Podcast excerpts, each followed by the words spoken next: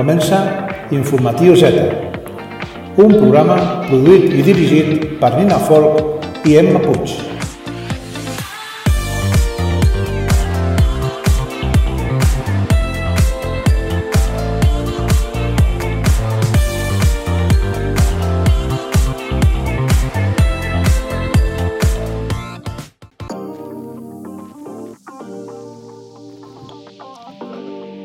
Bona tarda, benvinguts, benvingudes i benvingudis una setmana més a l'Informatiu Z, l'informatiu que tracta les mogudes de la generació Z.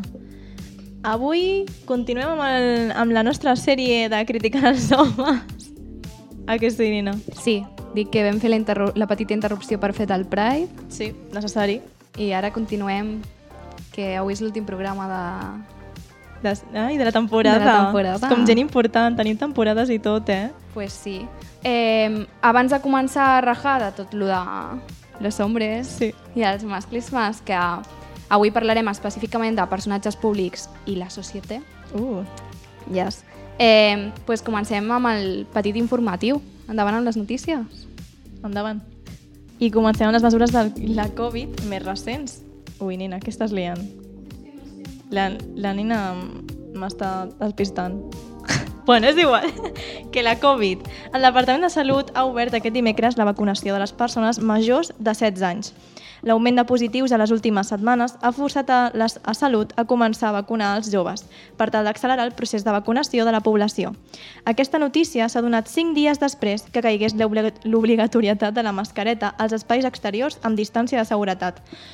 Però per si a algú no li ha quedat clar, volem remarcar que la mascareta segueix sent obligatòria per tots els espais interiors i en els llocs on no es puguin mantenir 1,5 metres de distància. De veritat. Punt important. Feu cas. Bueno, i també podem parlar del Pride de Setmanat, on s'han organitzat actes durant tota la setmana. Avui, de fet, a les 20.30, quan acabi el programa, tindrà lloc en el Teatre del Coro el musical Una llum tímida. Les entrades es poden trobar a l'enllaç d'Entràpolis. Correu, perquè no sabem si en queden. I el dissabte dia 3 hi ha una diada dedicada a les famílies i, as i associacions LGTBIQ+, de, de Setmanat, com Greyless Paul, Eufòria, FLG Famílies LGTBI, Pantieres Grogues i altres entitats per confirmar que mostraran la seva tasca amb parades a la plaça La Vida de 11 a 14 hores i de 17 a 19 de la tarda. També comptarem amb un racó per llegir llibres temàtics gràcies a la Biblioteca de Setmanat i un pintacares pels infants i hi haurà la presència de comerços locals amb els seus productes. A més a més, els nostres companys de Radio TV Setmanat amenitzaran la festa amb un punxadisc. Ànims, sí. amics. I a les 19 hores, la companyia Fes-tu com vulguis interpretarà a la plaça l'obra Amb el tango som tres. A les 21 hores tindrà lloc als jardins de Can Milionari un sopar de l'Orgull a la Fresca.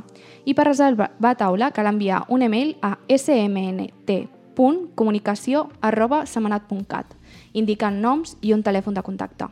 Diumenge dia 4 finalitzarà la Setmana del Pride amb una pintada de diverses vorades amb els colors de la bandera de l'orgull LGTBIQ+, eh, i l'activitat començarà a les 10 hores. Cal apuntar-se prèviament enviant un email en el correu ja mencionat. A les 12 del migdia, a la plaça La Vila, hi haurà la guerra d'aigua contra l'homofòbia. I per últim, es farà entrega dels diplomes a tots aquells infants que hagin participat en les activitats del primer Pride de Setmanat. És molt important reivindicar els drets del col·lectiu i més quan s'acaba d'aprovar una llei trans que deixa fora els menors, migrants i la gent no binària i intersexual. Així que a seguir lluitant, que I molt tant. bé, Setmanat. Que sigui el primer, però no l'últim. Ole. el primer de molts.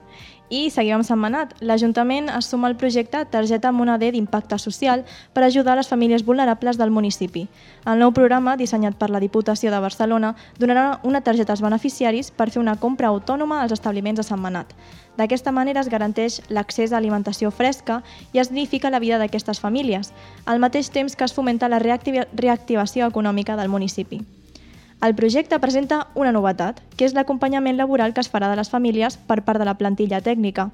Entre serveis socials i els membres de la família es pactaran uns objectius a curt, mitjà i llarg termini en el camp de la feina. Per tal d'aconseguir aquestes metes, la institució organitzarà tallers i formacions, sessions personalitzades d'orientació i oferirà suport d'una recerca del treball. A part d'això, les famílies usuàries realitzaran dues formacions sobre alimentació saludable i economia familiar i una altra per la realització de pressupostos familiars. Així, les famílies més vulnerables tindran eines al seu abast per, a, per evitar caure en una situació de pobresa crònica i tindran un control conscient de la seva economia. Pues sí, una iniciativa molt... Molt xula, ens agrada molt. Uh -huh.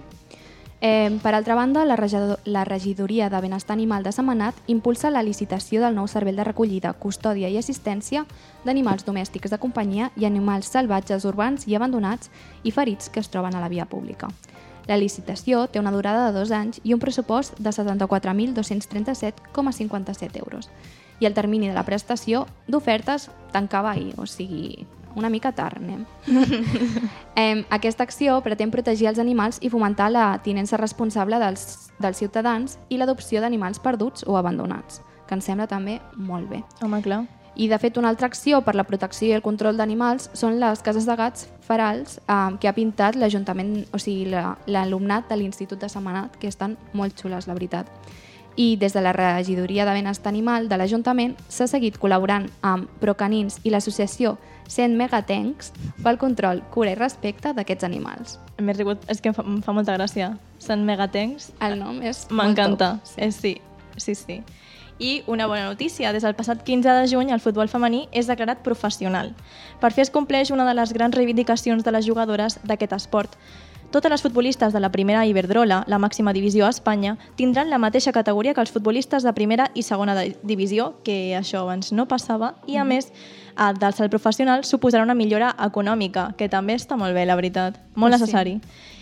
Així ho va anunciar el president del Consell Superior d'Esports, José Manuel Franco, que es va comprometre a lluitar per la igualtat i va explicar que la nova llei de l'esport també vol aplicar altres mesures per aconseguir-la, com protegir a les esportistes que vulguin ser mare. L'escoltem. No, no l'escoltem, perdó.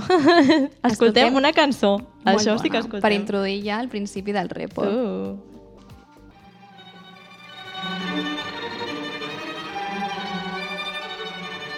Life sucks and I never tried suicide. Mine's fucked even more than I realized. Time's up, keep moving when she arrives. If you ever heard what I heard in my mind, never tried, you'll cry, that's a lie, you would die. I don't wanna ever come down from a high, I'm in the best seat. From time and the next breed, if you come and come at me directly, you don't need no one to defend me. Souls in a place even I can't get to, don't fuck with the deadly. Moon waves and overseas, quick coats and overseas. Fuck those who don't believe, they will never wanna admit I'm the best here for the mere fact that I've got ovaries. It's a woman's world, so to speak. Pussy, you sour, never giving credit where it's due, cause you don't like pussy power. Venom. Venom. My, my, if you ever heard what heard in the night, what fright must have been a parasite in my past life. I don't wanna ever come down from a high. My soul was sending to the sky. Guess it's you and I. Gone, but I'm feeling too alive. Trying to get me out of spite. Someone's gotta pay. I ain't talking big amount. Some kind of physical pain, some kind of traumatic shit. Niggas wanna see dead bodies, probably not there, rolling with no automatic clips. Moving scatty, all erratic and shit. Niggas pussy licking batty and shit. Oh, you mad? Then come at me, you prick. Make a move, better pattern it quick. I assume you'll be coming for blood. That makes two of us, that makes two of us. Venom.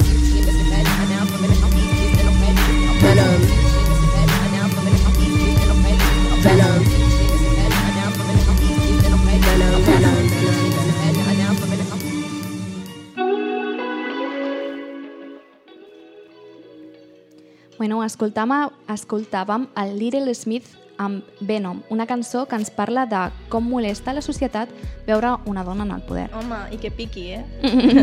Sí, sí, està ja revolucionada, que la tia parla superràpid, eh? eh és, una, eh, és una crack, la veritat. O sigui, tothom escolta Little Smith, que té un talent que no s'ho creu ni ella. Vamos.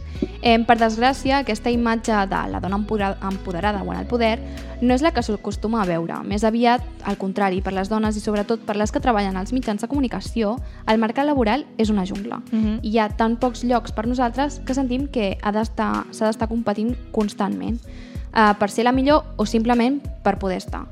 I quan arribem a on estan els homes, al mateix nivell, ens enfrontem a les crítiques més dures de l'ull públic. Doncs sí, la veritat. I bueno, avui bàsicament venim a comentar casos. En, venim a, a criticar. La teoria ja la vam fer fa dos programes Venim, venim a criticar. i ara no, no. venim a comentar casitos. Home, clar, jo crec que, per desgràcia, casos hi ha, Sí, saps? molts. En la societat ja es fomenta aquesta idea de que hem d'estar competint entre unes i altres i en espais on hi ha tan, tants pocs llocs per les dones eh, s'intensifica, no, això? Sí. Solo puede quedar uno. De fet, per exemple, eh, quan va sortir la pel·lícula aquella de... de eh, com es diu? La, de, la dels casinos, però que han fet ara amb dones. Eh, um, Ocean's Oceans, sí. Ho deien elles del plan. Ah, doncs no m'esperava tan bon rotllo dintre d'aquesta Mm. d'aquesta sèrie perquè són sempre com que has de quedar com la primera. A veure, que també s'han fet moltes pel·lícules també on han col·laborat dones i tot bien, que no Clar. són les primeres. Però es va comentar molt aquest debat. Clar, o sigui, també és com un estereotip, no?, de les dones en, ens trepitgem el coll les unes a les altres, però eh, potser, sí, segurament sigui així, però no és perquè les dones siguem unes envejoses, sinó Sí. perquè no ens donen llocs, Clar. i els pocs que, que ens donen és com me lanzo o, o me Claro. pisan el cuello, literalment. No és per fer putades a les altres, sinó que és Clar. per aconseguir arribar a algun lloc, perquè Clar. si no, Si no et quedes- poques places, pues Clar te que quedes sí. fuera. És que és això, és que no hi ha espais i els pocs que hi ha... I, I més, és que jo flipo, eh? Perquè va sortir fa poc la notícia de que uh, l'associació feminista Mm, feminista de dretes, s'ha de dir. sí, Eh, bastant. Woman in the Legal World, És que... eh, que és una associació sense ànim de lucre molt propera al PP, eh, No te digo nada y con eso te lo digo todo. Ajá. Eh, pues van anomenar a l'alcalde de Madrid, José Luis Martínez Almeida, Mhm. embajador de la igualtat. A ell hi ha uns altres 25 homes, també del PP, bueno, del PP i de partits de dreta, sí. Eh, un senyor que eh, el dia de l'orgull no va voler posar la bandera d'arcoiris a l'Ajuntament de Madrid. Sí, Aquest, aquest està aquí. aquest senyor, Aquest com a igualtat, eh? Igualtat, sí. Eh, home, clar, si ho compares potser amb, amb Abascal, potser és super, en plan, pro drets i tal, saps? Jo què sé. No, no, jo no li trobo excusa. Jo, no, jo tampoc. O sigui, a mi em sembla una mica un cachondeo, no? Que s'estan rient en la teva cara. És que l'argument que posaven aquestes feministes eh, deien que era que el feminisme s'havia d'aconseguir eh, ensenyant i, i parlant, i no amb mal rotllos. Sí, sí, sí, és veritat. Pues no sé, igual que no posis una bandera... A mi em provoca mal rotllo. Modo. T'ho has pensat? És, és d'aquelles que defensen el feminisme però del que no molesta, no? Sí, De... correcte. Però si ja tenim tots els drets, per què hem de seguir lluitant? Xica, mira, és, és, no. escolta aquest Sí. programa, escolta no. aquest programa i, Pues i ja sabràs Aquest i molts més. O sigui, Exacte. recomendaciones. el nostre És que, de verdad. Shameless self-promo. I de, de veritat, o sigui, hi ha molta gent, que això és una, és una altra, que creuen que eh, tot el que pugui fer un home estarà molt millor fet que el que faci una dona simplement pel, pel fet de ser un, un home, o sigui, sin més. I això, així ho, ho sembla amb comentaris com el que fa el youtuber Ibai. No, no ens fiquem amb ningú supergran, no? Amb Ibai Llanos. Eh, quan valora la sessió de les 9 de Product, una gran artista de veritat, i Bizarrap, i escoltem primer la cançó de les 9 i Bizarrap i a continuació el comentari que va fer l'Ibai.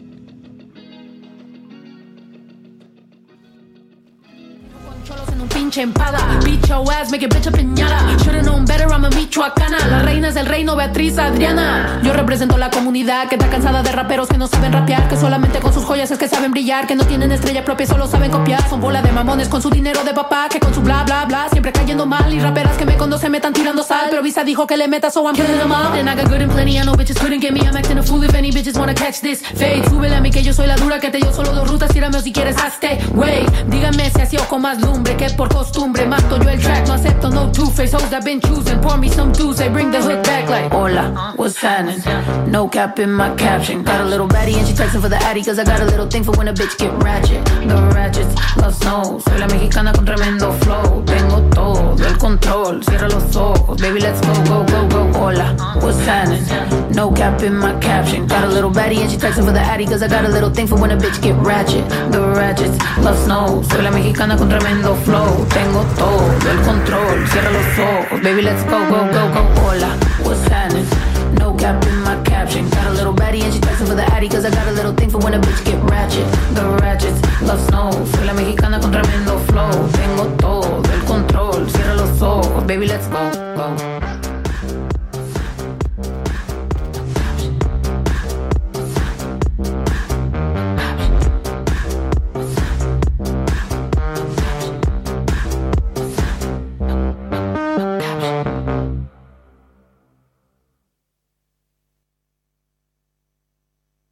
Bizarrap, estás absolutamente loco y mal de la cabeza. O sea, esto es un puto hitazo, esto es un puto temazo. No sé ni quién es esta chavala, es Nota Product, no tengo ni idea de quién eres, pero suenas espectacular. O sea, ¿Qué jodido flow es esto? ¿Qué jodido flow es este?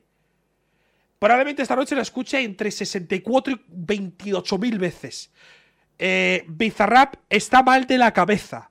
Bizarrap hace una colaboración con una piedra, con una piedra, con un mueble del Ikea, con un mueble, de, la, hace, la hace conmigo y sale un temazo, sin quitarle mérito a Slow Tap Product, que suenas increíble. O sea, suenas que, mm, de verdad, si en seis meses no tienes 20 millones de visitas por vídeo, no entiendo nada. ¿Pero qué? Sí, bueno, sense quitar-li el mérito, però ja s'ha dit que podria Sí. ser una piedra. O un moble de l'Ikea. O ell mateix. Mm. Que a veure, aquí s'ha de dir que hi ha persones que ho han fet pitjor. Ho han fet molt pitjor. Que hem agafat ell perquè és una referència, però com a mínim diu, bueno, sin quitarle mèrit. Home, i també al principi que diu que aquesta tia pues, és lo más. Home. Sí. sí, o sigui, quan diu que uh, aquell dia escoltaria la cançó entre 64 i 200 milions de vegades, és que same, o sigui, jo vaig fer el mateix, entenc perfectament aquesta emoció, però després dient és que podia fer una col·laboració hasta con una piedra i saldria un temazo, escolta, Mm. Li estàs traient mèrit, tot i que després diguis sin quitarle mèrito, bueno, pues, potser no la comparis amb una pedra o un moble de l'Ikea, saps? Clar, o sigui... Li treu mèrit als artistes, en Mm. general, si ho vas dient així.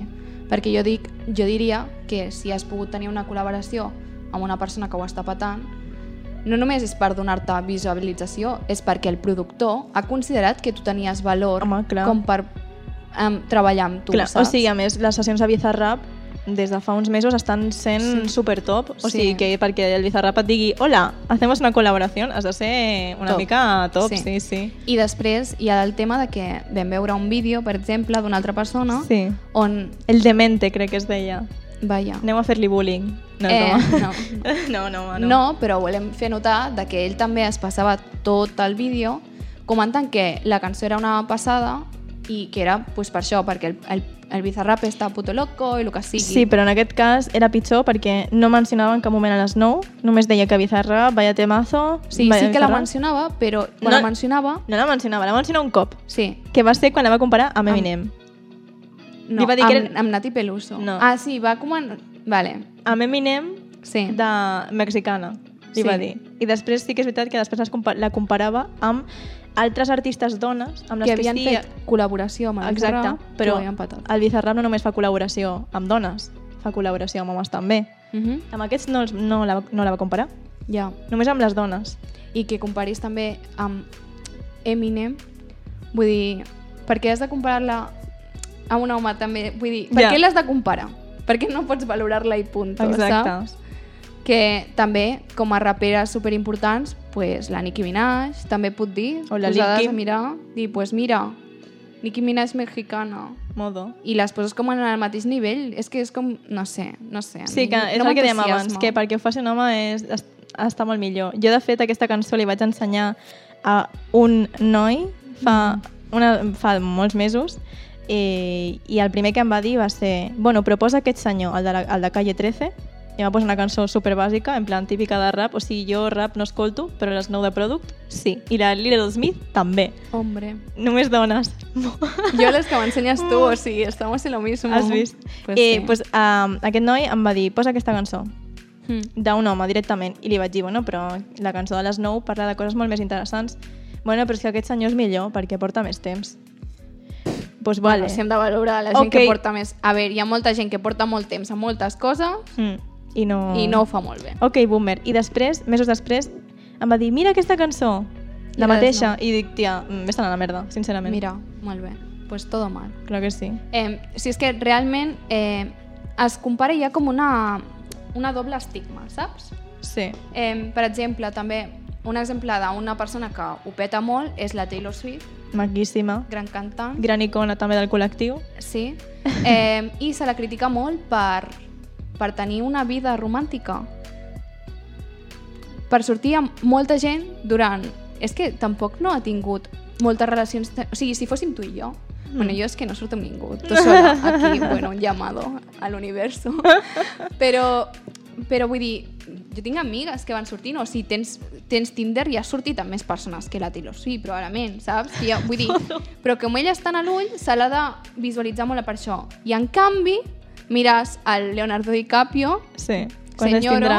Quants anys tindrà ja? 50? que tindrà molts anys, ha sortit Aprox. amb moltes persones també i ara està sortint amb persones molt més petites. De la nostra edat. Uh -huh. Aprox, sí. Però bueno, també ell sí que se li pot separar del plan, pues eso, que és un Ja. gran actor. És que totalment, o sigui, està molt lleig que, perquè sigui la Taylor Swift, que a més és una noia jove, que és normal que vagi sortint amb... És que tampoc ha tingut tantes relacions, això és veritat. És que l'ha posat molt en el punt de la mira Mm. i com escriu cançons sobre les seves relacions, ah, mira, Clar, pues que, sobre què vols que escrigui? Pues sobre el que li passa. molt, no no també s'inventarà, tia. I són cançons super top. O Totalment. Sigui, les cançons que ens ha donat Taylor Swift, Mm. o sigui, gràcies per sortir amb aquestes persones i per escriure aquestes, per- aquestes cançons. És que claro que sí. Exacte. Però també és que, a part de la doble moral, també se'ns valora per coses diferents. Mm. Només cal veure uh, com són les actrius i quantes actrius de més de 40-50 anys hi han que siguin superfamoses. Clar. que Meryl Streep. Meryl Streep, eh, la que va guanyar l'Oscar aquest any, que de veritat eh, veieu Nomadland, és una gran pel·lícula, eh, és una mica lenta, però està molt bé, el missatge que té és molt xulo i la senyora es diu Frances McDormand, que la veritat és que aquesta tia és la millor del món, eh, superbona actriu. Encara la tinc com a pendent. No I són senyores grans i són senyores icòniques, reines del món. Eh, la sèrie Grace and Frankie, Mm. molt recomanada també, que va sobre dos senyores grans i sus problemes en la vida. Eh, és una fantasia, Mm -hmm. també està molt lligada al col·lectiu, o sigui, jo recomano que ni que si us mireu el tràiler i a partir d'aquí pues, valoreu si la voleu veure. Exacte. Des d'aquí reivindiquem a les senyores. Pues sí, a la senyora. I Pues ja clar que està. Sí, és que bàsicament sí. I bueno, de fet, eh, ara escoltarem una cançó de Taylor Swift, ja que l'he mencionada, eh, on es queixava d'aquesta doble moral, la cançó The Man. put in the work. They wouldn't shake their heads and question how much of this I deserve.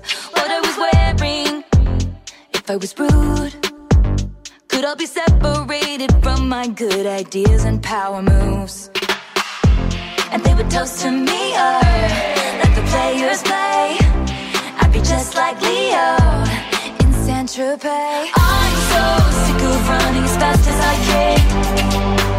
Wondering if I'd get there quicker if I was a man. And I'm so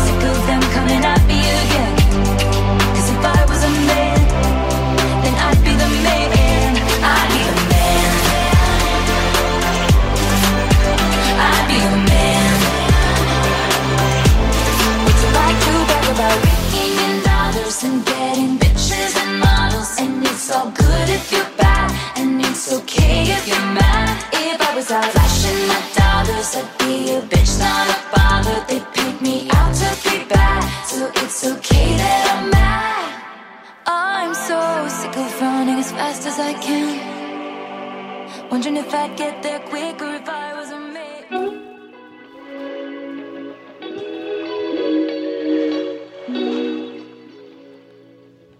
Doncs sí, bàsicament, mm, em sembla molt bé tota la cançó. Crec que té raó. Doncs sí, conclusió de la cançó. Un aplaudiment per la Taylor Swift. Eh, però és que, bueno, és el que dèiem, no? Que se'ns tracta diferent i nosaltres que ens dediquem als mitjans de comunicació i som un projecte de periodistes, Uh -huh. eh, ens fixem bastant també a la premsa, certes entrevistes, certes preguntes, certs comentaris... La Billie Eilish. La Billie Eilish... Bueno, eh, Billie Eilish és dels últims casos que dius, tia, però... Todo mal. Des de Eh, sempre hi ha hagut entrevistes de puta merda. Eh, les entrevistes a la Scarlett Johansson sobre los Vengadores. Sí, sobre la roba interior. Sobre la roba interior. Una cosa, qui ets tu per preguntar? O sigui, en quin món preguntes sobre la roba interior a una persona que no coneixes de res? Però és, també a les, a als fotocalls també els hi pregunten a les dones de, de què vas, en plan de, de què vas vestida, no de què vas, saps? Si no, a ver, ¿de qué vas? de què vas, tia? Te no, reviento. de què vas vestida? I els tios els hi pregunten, no. Que la, la intensitat del teu personatge. Que... que... Sí. Ja, no, és que sobre la teva feina de què? Però si ets guapa ja està, és la teva feina, no? Està guapa. Està mal. Està, és, lo que està és, és, està mal. Mut. I del que dèiem de la Billy, Mm. ara que bueno, sempre ha anat amb un estil molt ample, que no se li notava massa el, el cos. Casual chic. Casual chic. No li hagués dit això en la vida, tia. en plan, com molt de skater boy, no? Sí. Jo ho veia així. Que... Però xic també que porta Gucci, merda. Home, no, ja, claro, sí. La... Eh, Skater Boy amb pasta. Amb pasta. Clar que sí. Però ara, amb el, la seu, amb el seu últim disc, disc, àlbum, no sé què és. Sí.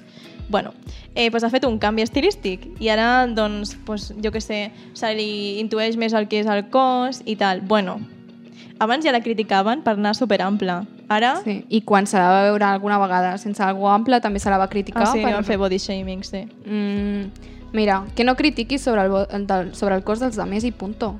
Modo. Ni de Ja com està. vesteixen. Però clar, ara que s'ha posat, eh, jo que sé, com més eh, arquetípicament femenina i tal, Sí. eh, també la critiquen. O sigui, ni una cosa Que ni no pots l'altra. guanyar. No, sempre et pots criticaran. guanyar. Clar, Conclusió, fes el que vulguis. Todo mal, és que todo mal. I clar, com amb els homes tampoc no hi ha... És que tampoc hi ha tants outfits que et puguis posar com a home així si vols seguir la normativa. No, clar. Perquè si vas a premis o alguna tots van amb un traje. O sigui, li canvies els colors i el que vulguis, però és un traje. Mm. O sigui, pues a mi si em portes un vestit pues, com el de Rihanna, que semblava una tortilla, pues vaya fantasia, És que saps? vaya- vaya és que coses fantasia. així, pues clar, així sí que pots criticar si et quedes amb lo basic i després també et criticarien per ser basic. Ja, però jo crec que, que, Que que els sí. homes siguis basic o no... És igual. Sí. Sí. Si el Kanye West anava amb xandall. Sí, no, li de, no deien res. Bueno, No, que no, perquè- super revolucionario ir en chándal. Uau, Sí. Kanye, Sí. sisplau. Mira. Deixa d'ajuntar-te amb Trump, sisplau. És que, és que de verdad. És Todo que mal. todo mal, sí, sí. Bueno, Bueno. I de fet amb el tema aquest del canon de bellesa, de hay que estar guapa siempre, a Mm. nivell nacional també veiem cos cosites. Sí, Sí, em tenia la cera, sí. eh, la presentadora, eh, que li van dir que havia d'aprimar-se per poder seguir a TV, a, la, a OT, a te, A no, no. A, te, a, tele, a la televisió. Sí. OT és, és que m'ha vingut al cap també la Rosa d'Espanya, que gràcies Oh. a Déu que tenia una veuaza, però tot el bullying que li van fer pel body shaming... Eh, Una cosa, eh, jo vaig estar mirant els vídeos de la Carolina Iglesias sobre reaccionant a la primera gala d'OT ara, saps? A l'estiu passat, potser. Eh, el presentador, que és un ésser escarós, la veritat és que l'ho diu tant, eh, quan posaven imatges del menjador, deien enseñárselo bien a Rosa, que estas imágenes le interesan. És que mira, vaya ¿Cuánto, comentari ¿Cuánto has de merda. perdido esta semana, Rosa? Eh, señor, cállese, déjeme És vivir. que de verdad. E- Era fastigós, de veritat. Horrible. Eh, denuncieu aquest senyor. No, home, no. No, I de, parlant de la Carolina Iglesias, que també és presentadora, Sí. eh, li va passar alguna semblant a la Tània Llacera. El que Mhm. passa és que ella pues, no li van dir o t'aprimes o te'n vas, sinó simplement li van dir adiós, Adiós, un t'acaba el contracte. Clar, per no, per no seguir el cànon. O sigui, és que és, és, que és molt fort, tio. Mhm. És que tot mal. I bueno, parlant de la Carolina eh, Iglesias, Mm. escoltarem també uns eh, àudios del podcast que fa junt amb la Victòria Martín, d'Estirando el Chicle, on eh, parlen pues, això amb Tania la Cera, eh, on explica la seva situació de quan va entrar a, a treballar a la tele i eh, el que s'ha trobat ella amb, amb aquest cas de, del programa Z. Ui, Z punto. Pues nada, me dijeron, ¿quieres salir en la tele? Y yo, pues sí, me gustaría cambiar porque yo trabajaba detrás de las cámaras. Venga, va, pues adelgázate 10 kilos. Fue lo primero que me dijeron. Adelgacé 10 kilos, sin hacer dieta, ¿eh? haciendo ejercicio, tal y cual. Y fui otra vez al despacho de este señor, que ya no, no existe, ya no está aquí en España, y le dije, oye, ya me he adelgazado 10 kilos. Ah, pues te invito a comer, pero eh, nos fuimos a comer y me dijo, ahora lo que tienes que hacer es, eh, si no te importa, ponerte más peras, porque no tenía casi, porque estaba muy delgada, tenía menos que ahora, porque no sé tan delgada ahora qué tal. Em, y, y ponerte la nariz un poquito más recta, porque es que tienes aquí no sé qué, y yo, eh, es que es la nariz de mi padre, y a mí me gusta mi nariz, ¿sabes? Y las Qué tetas me gustan como las tengo. De hecho, eh, soy de las pocas mujeres que se les ha visto una teta en televisión que no la tienen operada. ¿Eh? Que es todo natural, 100%. ¿Tú qué contestaste en esa en Yo esa tenía circunstancia? 25 años en ese momento. Es que claro, y, es que eres y pequeña. me acuerdo de. Porque yo ni me, ni me. En ese momento ni me planteé no perder los 10 kilos, por ejemplo. Eh, ahora me, los plan- me lo plantearía, le mandaría la mierda. Claro. Pero en ese momento es verdad que adelgacé y sin problema. Eh, y luego lo de las operaciones, pues porque yo, primero, no pienso pasar por quirófano a menos que sea por salud. Nunca. Yo, personalmente, me parece muy bien que cada uno haga lo que quiera. Y luego, por cuestión de autoestima, yo me veo muy bien pareciéndome al- a, a los míos. A mí me gustan la nariz de mi padre. A mí me gustan las tet- mini tetis que tengo. Eh, entonces tuve, gracias a Dios, la suficiente personalidad para decir, es que si no voy a estar como todas las demás. Y seguramente no hubiera trabajado tanto si me hubiera operado. También me pidieron en su día que por favor me dejara el pelo más largo, que con el pelo tan corto estaba demasiado machorra. Y, también les dije, lo siento, vas a opinar de todo, pero de mi pelo no opinas. yo creo que, que sí que se ha evolucionado en alguna parte, pero a la vez creo que, que todo sigue igual. Que es como que, sobre todo, por ejemplo, en, la comedia y el entretenimiento, eh, sí que meten la pauta y el, y el baremo de que tengan que, que- que tener una talla determinada y un físico determinado. O sea, yo, por ejemplo, cuando me cogieron en un programa de televisión que solía ser como el, el prototipo solía ser pues gente con, con minifalda y piernas largas y tacones y tal, y yo decía, o sea, yo estaba ahí metida diciendo, tenía un síndrome del impostor a tope, diciendo, me van a pillar en cualquier momento, se van a dar cuenta de que no soy una tía buena, y en efecto me pillaron y me, y me echaron a los dos meses. Así fue. Sí, sí, o sea, yo, yo tampoco, o sea, yo nunca fui de nada que no fuese, o sea, yo iba con mis camisitas, mis tenis y mi pantalón pitillo negro. Ahora, yo estaba diciendo, yo rodeada de piernas largas O desnudas. sea, tú solo veías además coños, porque tú las llegabas a todas, las llegabas a todas por la rodilla. Tú O veías sea, para yo- arriba y veías. Yo, yo miraba coña. para arriba y claro, y veía todo el rato eso, eh, gente en tacones, gente con, con tetas mucho más grandes que las mías, y yo en plan, pues yo qué sé, pues habrá colado, pues será que ha habido una apertura, ¿no? Y la industria, y ahora buscan otras cosas y tal. Spoiler, ¿no? Pues sabes dos, que. dos meses, ¿eh? Sí, sí. Dos meses. Yo te creo porque a mí ese mismo programa del que estamos hablando, yo, a mí me llamaron para ese programa. Me llamaron de, bueno, nos encantas, qué graciosa eres. Bueno, quedamos en un Vips. Quedamos en un Vips y yo me comí las tortitas luego sola, porque a mí me mandaron a tomar por culo, pero antes de hacer la prueba. O sea, fue verme, fue verme y de, repente cambió de opinión. ¿Sabes? Empezó a decir, bueno, y a tartamudear un poco. Bueno, pues eh, sí, es que vengo de hacer una prueba a otra persona y no sabemos si encajarlo aquí. Yo, "Eh, señor, este señor me ha visto y me ha dicho que no. O sea, esto ha sido la peor cita de Tinder de mi vida, ¿sabes? Era como, joder. Y así que eh, sí, y con ese mismo programa me pasó. Así que tanta gracia no les hice. No, creo que no, no. gracia no. También te digo que al final leer sabremos todas, pero bueno.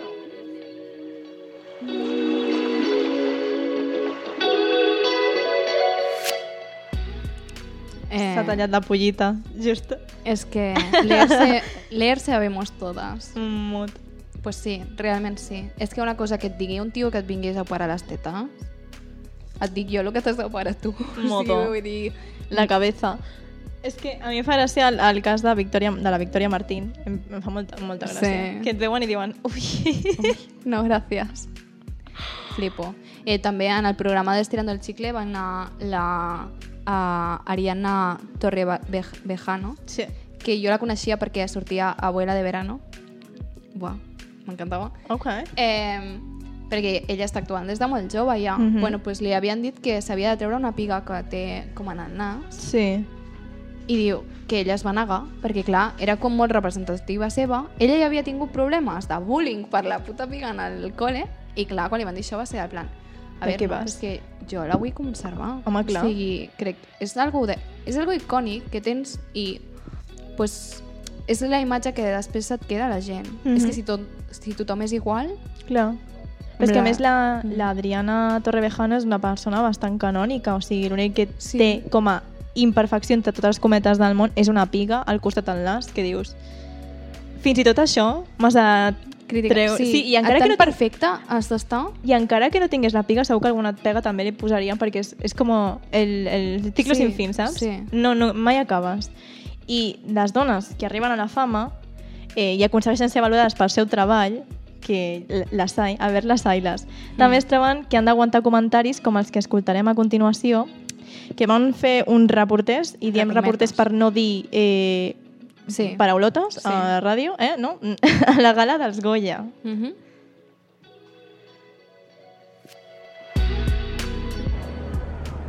Se llama Marta Nieto. Es mi Tu- prima. tu prima, preséntamela. prima, macho.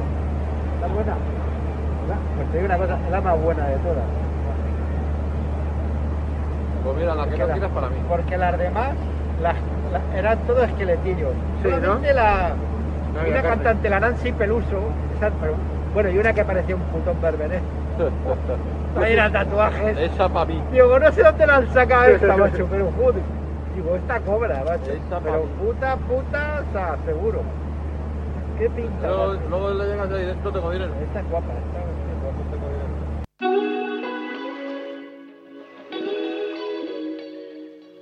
Pati de què, pallasso? A veure, per començar. I una cosa que ens ha criticat a la nostra Nati Peluso. No, no, ha dit que totes eren unos esqueletillos. menys Menys la, la la Nan, Nancy. Nancy, Nancy Peluso. Nancy, sí. Who is she? I don't know her. O sigui, eh, senyor, i és que de veritat és que són tantes coses que estan malament. O sigui, tot l'àudio es podria cremar. Tot, i a més a més, tots comentant. No hi ha que cap que li digui una cosa al comentari aquest, te'l pots callar? Mm, no. Està fora de lloc? No. no, no. A persones que, a més a més, que és això, que són guanyadores de Goyes o merdes, o sigui que ja hem dit, han arribat en el seu punt. He d'aguantar això? Eh, Si hem d'aguantar aquestes putes merdes. D'aquesta persona. O sigui... Que a més a més aquesta persona està treballant, eh? Mm. Aquesta persona, no sé si estudia periodisme o alguna cosa, és reporter. Suposo. I nosaltres aquí, esperando. Pues Espera. per això, quan es diuen coses d'aquestes de gent que porta més temps, que saps fer millor les coses, mira, Mira això. mira, Escolta això. escolta. Eh, però és que també a la, a la dona que li deien que era mm, que semblava una puta perquè anava tatuada de dalt a baix, que també és un altre tema interessant, Sí. eh, és la Daniela Santiago, una de les actrius que interpreta la Veneno. És que no, no, no ho entenc. O sigui, sincerament, en sèrio has d'aguantar aquests comentaris de merda? I a més, que... O sigui, és que jo que sé, su- suposo que no sabrien que tenien els micros oberts, però eh, el karma ha actuado aquí i, bueno, no sé si els hauran fet fora, eh? Espero que sí. No ho sé. Perquè no sé després per què ho dubto. després d'aquesta puta merda de comentaris que es podien ficar cul, no sé. Bueno, la qüestió és que todo mal. Sí, Todo mal. és que... Simplement. I bueno, també, eh, parlant de Carolina Iglesias, eh, en el cas de les humoristes, també ens trobem atacs per part de pròpies dones que Mm. ja senten que han d'estar en el nicho. Eh, és el cas de la Conchita. No, Eh, la Conchita no. La La chocita del loro. Chocita, eso. La Conchita, no sé qui és. Conchi, hombre, ¿pero qué dices? Qui és la Conchita? No ho sabem. Eh, la chocita del loro Eso. és un lloc on es fan monòlegs i el Mhm. porta, pues, la directora és una senyora Sí. que escoltarem seguidament i, Mhm. bueno, que bàsicament el que ve a dir és que tot l'humor que fan dones és de nínxol i no general i que no hi ha dones gracioses, per lo que se ve. Ara, ara sentireu aquesta senyora. Ujú. Hago la programación yo, si no me gusta no lo voy a poner. Oye, pero ¿sabes lo que he hecho aquí de menos? Fíjate, domingo 20 a las 9, David Cepo. ¿Y las mujeres qué? Pues las mujeres te cuento, tenemos, tenemos, una mujer tenemos, ¿vale? Eva Ike, esa la Sí, tenemos. es compañera de la radio. Sí, correcto. Y el resto de mujeres es que es verdad que, o sea, eh, hemos pasado a un punto en el que mucho del humor que hacen las mujeres es mm, como o sea, siempre como de, como de víctimas, de verdad, o sea, o víctimas o muy feminista. Y claro, el público que va, que tenemos público muy variopinto, no suele comprarlo. No nos suele comprar eso. Entonces, claro, al final, así que intentamos que, que haya mujeres y todo eso. Intentamos que haya mujeres. Eh, de 26 monologuistes, 25 són homes i una és una dona. A la chocita del loro. perquè no hi ha mercat. No. I després, eh, el podcast de la Carolina Iglesias i la Victoria Martí és número 1. Sí. O sigui que no hi ha mercat, A Podium Podcast, no és? Número Sí. 1 o a Spotify? No ho sé. Bueno. És igual. És Que també fan u. shows i, i venen les entrades. Hombre, jo I Martita de Granà també. I, i també I moltes més. S'exaureixen les entrades, L'Anna. Morgade és una humorista de fa molt temps també. Ja ves. I és una gran humorista i gran persona. I també Inés Hernán Uh -huh. amb el, amb el show que fa amb Galder eh, que es diu Ni puta gràcia que també està molt bé. Nosaltres tenim moltes ganes de veure tot, tot el que hem de dir, volem veure-ho. Pues sí. Quan és que vinguin. hi ha moltes opcions Sí, que no t'ho sí. miris i el de que és de ninxo, és que és el que hem dit abans, o sigui, explicaràs el que et passi. Què passa? Que no interessa perquè als homes no els interessa preocupar-se per si estàs embarassada i et tens el- problemes. Ja. I llavors què? A nosaltres ens interessa escoltar com critiques a la teva dona. Clar, és que és això, o, o quan te'n vas de festa amb els teus amigos. Pues xica, mm, potser jo no tinc amics homes heteros, saps? No sé què, no sé què es viu, potser no, no puc empatitzar amb això. pues clar, és que és el que deia. Crec que l'Ignacios va dir fa poc que la comèdia hauria de ser el menys ninxo possible. O sigui que les teves experiències, riure Sí. de les teves experiències hauria de ser Clar. el que, el que el que sigui. O O sigui, sigui- amb algú et relacionaràs amb això, algú compaginarà amb tu. O, o poder, poder expressar les teves experiències personals com superconcretes perquè la gent et pugui, pugui empatitzar amb tu, saps? I es pugui Sí. riure d'això. O et pugui escoltar els teus problemes i no sigui en un to dramàtic. O sigui, molts casos... O sigui, jo crec que la comèdia m'ha obert a conèixer moltes més coses Clar. que no hauria pogut... Perquè igual la comèdia em fa riure i em puc enterar de problemes que igual no busco de forma específica per altres coses perquè no estic per drames tampoc, Mhm. saps? Llavors, saber-te riure de un, un mateix ajuda que els altres et comprenguin, intentin posar-se a la teva pell sense que els sembli que els estàs donant com una lecció de vida, saps? Ja. Pues això a mi em sembla molt bé, és que, mira, Chocita, mi Conchi. La Conchi. Hem dit que la- d'aquesta senyora es diu Conchi i ja està. I es diu Conchi. Conchita. Jo li he dit Conchi. I ja està. No sé, però sí que és veritat. Joder, eh, són les teves experiències, no explicaràs les experiències d'un altre que no puguis em- empatitzar. O sigui, realment, al final, l'humor radica d'una cosa de, de trobar com el punt en comú. I Clar. crec que el punt en comú pot estar en qualsevol moment, saps? I de fet és molt més sa parlar de les coses que et passen a tu que no fer humor de coses que poden passar als altres perquè fins a un punt t'estàs burlant. Mm. Llavors ja no, és, Mot. ja no hauria de ser humor, Exacte. ja pot ser bullying, saps? I també això que deia la, la directora, que deia mm, que feien humor com de víctima, perdona, reivindicar coses no és, no és ser víctima. O sigui, estàs reivindicant. I si ho fas des de l'humor, tampoc no t'estàs posant com a víctima, estàs reivindicant que et passa alguna cosa. Clar. Ei, bueno, aquí te lo digo con jajas, però És una crítica social. Sí. És que, en fi, no estem gens d'acord amb aquesta tia. I, a més, quan hi ha exemples, com, bueno, eh, estirando el chicle, l'hem mencionat 25 milions de vegades en, a- en que aquest van programa. a, a Leitmotiv, eh? aprobado por Buenafuente, Ja un ves. senyoro de la comèdia espanyola. que no, no sabia, no sabia ni qui eren, qui era elles. Bueno, sí que ho sabia perquè a Podium Podcast estan per sobre del podcast que tenen Andreu Buenafuente i Alberto. Toma. Por algo será, Ole. por algo será. Sí, és el 3, el Uh, Buenafuente. com aquí pica. el nostre company Toni aquí ens està comentant que és el número 3. Uf, que mal, eh? Bueno, Bueno, ja se'ls no passa passarà. res perquè com tenen tots els llocs, tenen mil programes a la televisió, no És crec que els hi veritat. piqui tant.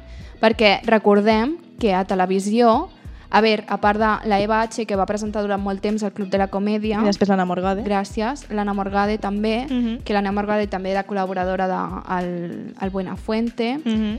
eh, van intentar fer el programa de les que faltaven. El van cancel·lar ràpid, eh? Sí. L'únic late night portat per dones i van dir, no, no, no s'interessa. Pim-pam. És que les dones no són gracioses. Sí, no, són molt de ninxo. Eh, de fet, Anna Morgade va fer un discurs en els Premis Max de 2017 on explicava com veia ella la comèdia i la necessitat d'eliminar les diferències entre gèneres dintre de les professions. I, de Mhm. fet, és un, És un gran parla discurs. molt bé l'Anna Morgade. Sí.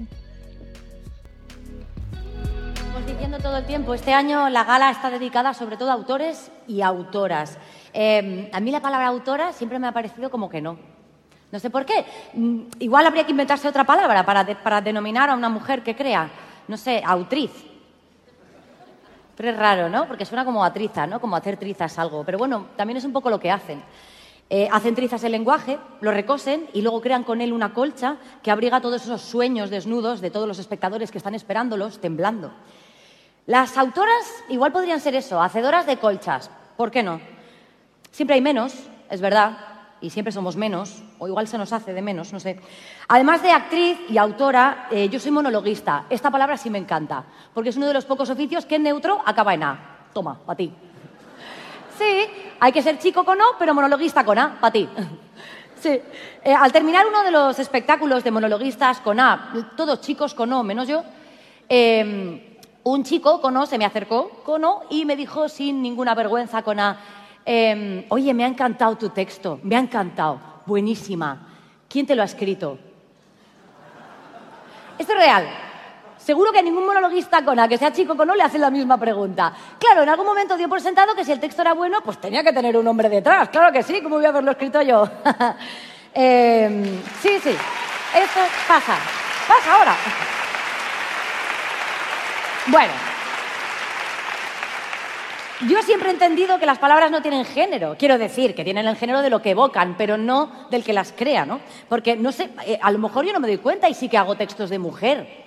No lo sé. No sé cómo son las palabras de mujer. ¿Cómo serán? No sé, igual se maquillan, se sientan con las piernas cruzadas, son rositas, no sé. Yo, bueno, nunca las he sentido así.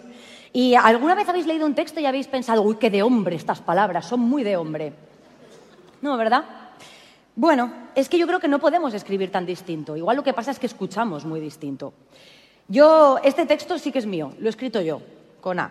Y, mm, y siempre que escribo, tengo, comparto lo que yo creo que tenemos todos los autores, que es lo que llamo la vocación de eternidad, ¿no? Uno escribe siempre deseando que las palabras lo pervivan, que duren para siempre, que se entiendan siempre.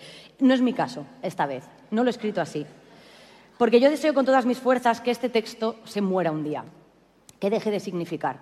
Que alguien un día, no sé cuándo, lea esto y piensa qué estupidez, si es evidente que no hay ninguna diferencia entre las voces que dan vida a las palabras, si no hace falta distinguir si la voz eterna y vibrante y sonora del teatro, la colcha que nos cubre, que nos reconforta, que a veces nos hiela, que a veces nos mata tanto de calor que tenemos que salir a la calle a gritar y a pensar y a vivir y a cambiarlo todo.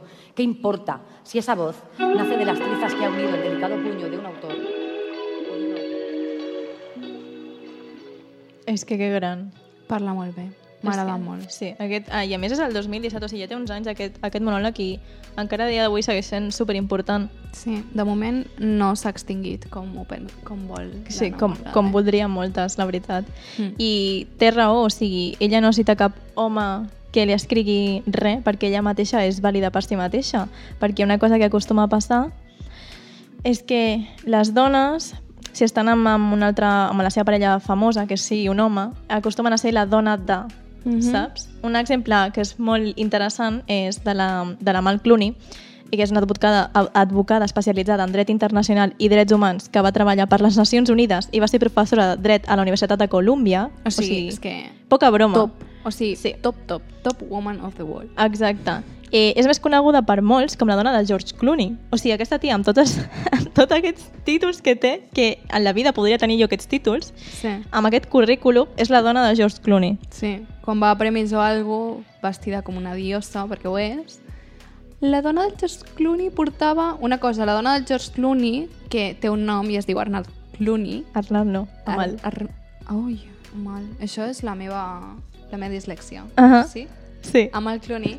Eh, pues està fent Trabajadors en la ONU. Pots parar de comentar com va vestida al costat del seu marit Modo. i fas un article del que està fent. Exacte, que segur que és superinteressant. interessant. Sí, sí. Bueno, sí, la tia aquesta ha fet coses molt interessants. L'únic que... Bueno, algun dia ja parlarem més en, en extens de, de la Mal Clooney, que, que ha fet coses molt guais. Senyores que importen. Exacte. Bueno, totes importen. Tot- Senyores que han fet moltes Relle coses. Molt rellevants, Sí. exacte. I potser algun espa espavilat que es pensa que la nostra amiga Amal, perquè sí, ja és la nostra amiga, s'ha juntat Mhm. amb el George per conveniència, però la tia és la seva pròpia estrella i una reina, com hem dit. No necessita els diners de ningú i, per descomptat, no és cap man-eater, terme que titula la següent cançó de la Nelly Furtado. Take it back, take it back, take it back.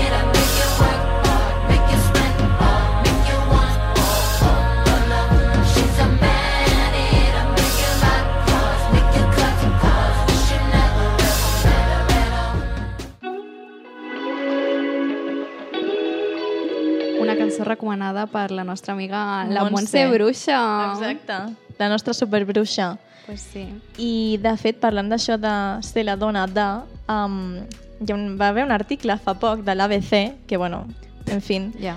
eh, titulat El lado femenino de la selección, I en comptes de parlar de la, la selecció femenina, parlava de les dones dels jugadors. Literalment parlava de les dones dels jugadors. Eh, pèssim, o sigui, pèssim. Perquè Eh. vegis que el futbol femení... O sigui, ja han posat la notícia perquè flipem amb que just ara s'hagi considerat professional. És que és molt fort, eh? Les diferències que hi ha entre el futbol masculí i el femení són, són, molt heavy. bestials. En un article que vaig llegir del 2018, Mhm. eh, els futbolistes femeni- eh, masculins de primera divisió ja sabem que tots cobren milionades. O sigui, Sí. els de segona divisió cobren també un muntó comparat amb les futbolistes que cobren el salari mínim. De primera divisió. De primera divisió, futbolistes de primera divisió, que les futbolistes del Barça ara han Mm. guanyat eh, el triplet de... O sigui, han fet triplet ara. Vale. O sigui, estan super top, Mhm. estan aconseguint moltes coses. O sigui, jo Ànims, no soc ties. molt de futbol, però, tia, ànims. Jo, jo, jo no sóc gens d'esport, en general. Però també em semblava important reivindicar això. Home, o clar. sigui, um, mm, em sembla molt bé que el futbol femení s'estigui començant. O sigui, m'hauria agradat que s'hagués començat a considerar professional Fa molt temps. fa molt temps. O sigui, després, com a l'altre programa, parlàvem de l'esquerda salarial, que a l'esport no el vam tocar, però és, Em, és important. És important. Molt important. I de fet, eh, les jugadores quan guanyen copes no, no s'emportaven, no sé si ara canviarà amb això, Mhm. no s'emportaven pre, um, Premi monetari. premi monetari al guanyar la copa, com Mm. sí que ho fan els partits de la Lliga masculina. Eh, no s'emportaven res, o sigui, has guanyat i t'aplaudo. La satisfacció d'haver guanyat, I no? potser t'aplaudo, perquè després s'escolten... És que de veritat, que cabreig, eh? de veritat t'ho dic. Els micros oberts. Eh, micros oberts de... Mm, ara escoltarem un senyoro que durant un, uh, un partit, la retransmissió d'un partit de la Lliga Iberdrola que enfrontava el Real Madrid i l'Eibar, el passat 16 de maig, vull dir que no fa un muntó, fa no, poc, El mes passat, bueno, dos mesos que deia enrere. coses eh, com les que escoltarem ara.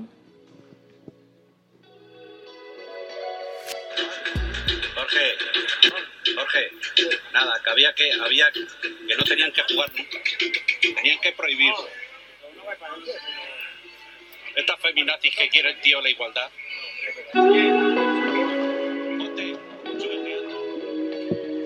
Feminazis, eh? Que per quieren voler la- jugar a que- futbol. Estas feminazis que quieren la igualdad. O sigui, Eh, tendrían que prohibirlo. Tendrien que prohibir-lo. Una cosa, et prohibeixo tu parlar? Prohibeixo tu existir. és que... De què vas? Comentaris com aquests que de veritat... És que a mi a vegades em sembla estem fent molts programes que van del tema feminisme i molt... Revi... Pues clar que sí, és que clar que sí. És Si com que no, hi ha moltes coses com no els hem de fer? Jo Vull no dir, em puc quedar callada. com no els hem de fer? És la meva pregunta. Pues sí. Després sentir aquestes coses. O sigui, els, és que lo tendrían que prohibir, però senyor, ¿usted quién se cree? Amb quina potestat dius això, tu? I comentaris en aquests perquè crec que és perquè hi havia poca gent al camp o alguna així, saps? És igual, o sigui, no té excusa. Però No. després es fan mm, grans celebracions, quan va morir, per exemple, el senyor Maradona, Mm -hmm. eh, grans manifestacions de tot, no sé què, Sí, sí. eh, que vale que és un bon futbolista. bueno, va- Li pots valorar tot l'altre? Pots valorar-li tot l'altre? Aquest no li dius feminazi clarament no, però se li podrien dir moltes més coses, Home. com perquè s'hagués de prohibir, saps? Ja. Té coses molt més fees. I de fet, una futbolista, la Paula eh, de Paena, que és eh, jugadora del Viajes Inter Interries, Sí. eh, es van agafar el, fin- el minut de silenci pel Maradona i bueno, explicava una mica ara per què i em sembla molt bé la seva visió. Yo me enteré ese mismo día. Eh, yo iba de camino al- a coger el autobús y fue una de las compañeras que dijo que, que había que celebrar, eh, celebrar ese, ese minuto de silencio, que había mandado una- un comunicado a la Federación Española. Entonces yo dije que yo me negaba. Y nada, ya en el momento de, de estar en el campo, que llega el árbitro y dice hay que guardar un minuto de silencio, ya me giré y me senté, que fue lo que, lo que me salió. Estoy de acuerdo en que las habilidades y cualidades eh, de, de Maradona futbolísticamente eran espectaculares, eso nadie puede negarlo, pero fuera del campo deja mucho que desear y yo sí que eh, pues separo, separo eso porque pues eh, como feminista y después de haber celebrado un 25N eh, pues mis ideales no me permitían homenajearlo. Estoy, estoy recibiendo amenazas de comentarios de eh, a fregar y vete a la cocina hasta amenazas de muerte. hasta amenaces de muerte, eh? És que molt final. fort. Eh, Paula, estem amb tu. Real. sí, o és sigui, que- a mi em diuen que hem de fer un homenatge a Maradona, dic, anda ja, xica, de què vas? O sigui, començo a treure casos de maltractament així, així. És que és això, a Maradona se l'ha ideologiat molt... Bueno, per tot el que ha fet, Em fa molta eh? gràcia perquè en el primer programa també vam parlar de Maradona i tanquem amb Maradona. Claro que sí, i criticant-lo. Hombre, és una rueda. Que sí, total. Però com el casos de Maradona, un muntó. O sigui, podem comentar com Woody Allen és un dels actors molt reconeguts i tenia problemites con sus hijas. Es va casar... Es va casar amb la seva, amb la seva fillastra. Sí. I molt bé, eh? però continuem acceptant que vinguin els premis. Un, una gran estrella. Exacte. Mm, Ja. Vale. El... O el Harvey Weinstein. Bueno, aquest senyor sí que ha estat jutjat per això. Menos Eh, però igualment eh, tenia molts amics, un d'ells Tarantino, que sí que... Bueno, no parlaven massa d'això, no? En plan, com intentaven com tapar-lo o tal. Saps? Que en plan que molta gent era conscient de tot el que estava passant i ningú obria la boca i eren coses lletges perquè també in- in- involucrava menors. O sigui, que no era cap tonteria, saps? És que, és que tot mal. O sigui, tot Els senyors es protegeixen els uns als, als altres com si fossin una pinya. Sí, és I, que, però per feo, coses tio. molt pitjors, que estem parlant de que hi ha actrius que, o persones que perden ja la importància perquè es fan velles. I, mm. que, I això és per lo que deixes de ser visualitzat. Clar. I en canvi, coses com aquestes, no? Mm. Però és que després també veus, ah, o sigui, el que comentàvem abans, tot, per tot el que ens cancelen a les dones, i És que aquests senyors estan, estan puto fent crims, saps? En plan, que no, és, no són els únics aquests. O sigui, com aquest, l'Army Hammer, que és el de Call Me By Your Name. Que, Call Me By Your Name, madre sí. mia, que no sé, no sé com ha quedat. Que a sobre és caníbal, aquest senyor. És caníbal. És és que, caníbal. tio, tio. Literalment que és caníbal. Que li demanava la seva dona per menjar-se la sang. Eh, però aquest senyor tenia una pel·lícula, eh, després. O sigui, que, Que després sí, d'això no tenia li un van- projecte. no li van- no el van fer fora? No. Tio, que és, que és caníbal. O sigui, ja Va només... perdre, eh? Va, va perdre projectes. Hi ha alguns Home, que sí. Eh, bueno, potser no. t'arrisques a que un dels teus actors li, li fiqui una mossegada a un altre, No, saps? però també és la imatge. Ui, la imatge que donarà la pel·lícula si contracto aquesta sí, persona. la seguretat dels, altre, dels altres treballadors a la puta Eh, merda. Chris Brown? També. Maltractant a Rihanna. A la Rihanna, eh? La reina del món. És que... És que, tio, Nicolas Cage, Mel Gibson, són alguns dels exemples que podríem seguir, sí. però vamos, la tira. Però ara escoltarem primer a la Billie Eilish, una persona que ens encanta, cantant Your Power, una cançó que parla de com se sent en una relació amb maltractament. Que a veure que si aquests senyors s'apliquen alguna cosa, però no, no crec que passi. Ho dubto molt.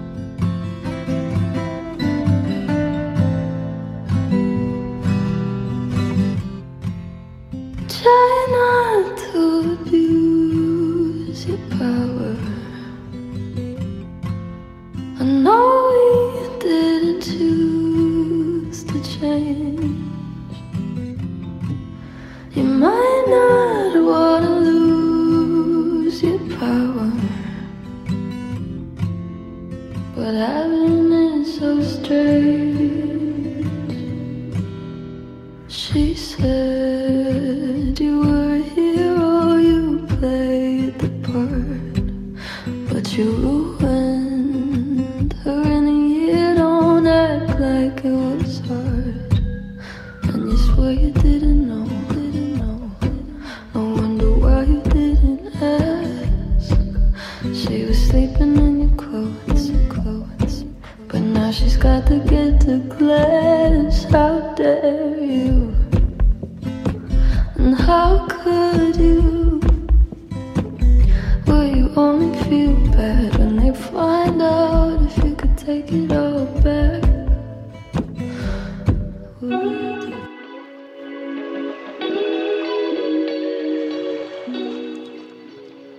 que gran la Billie.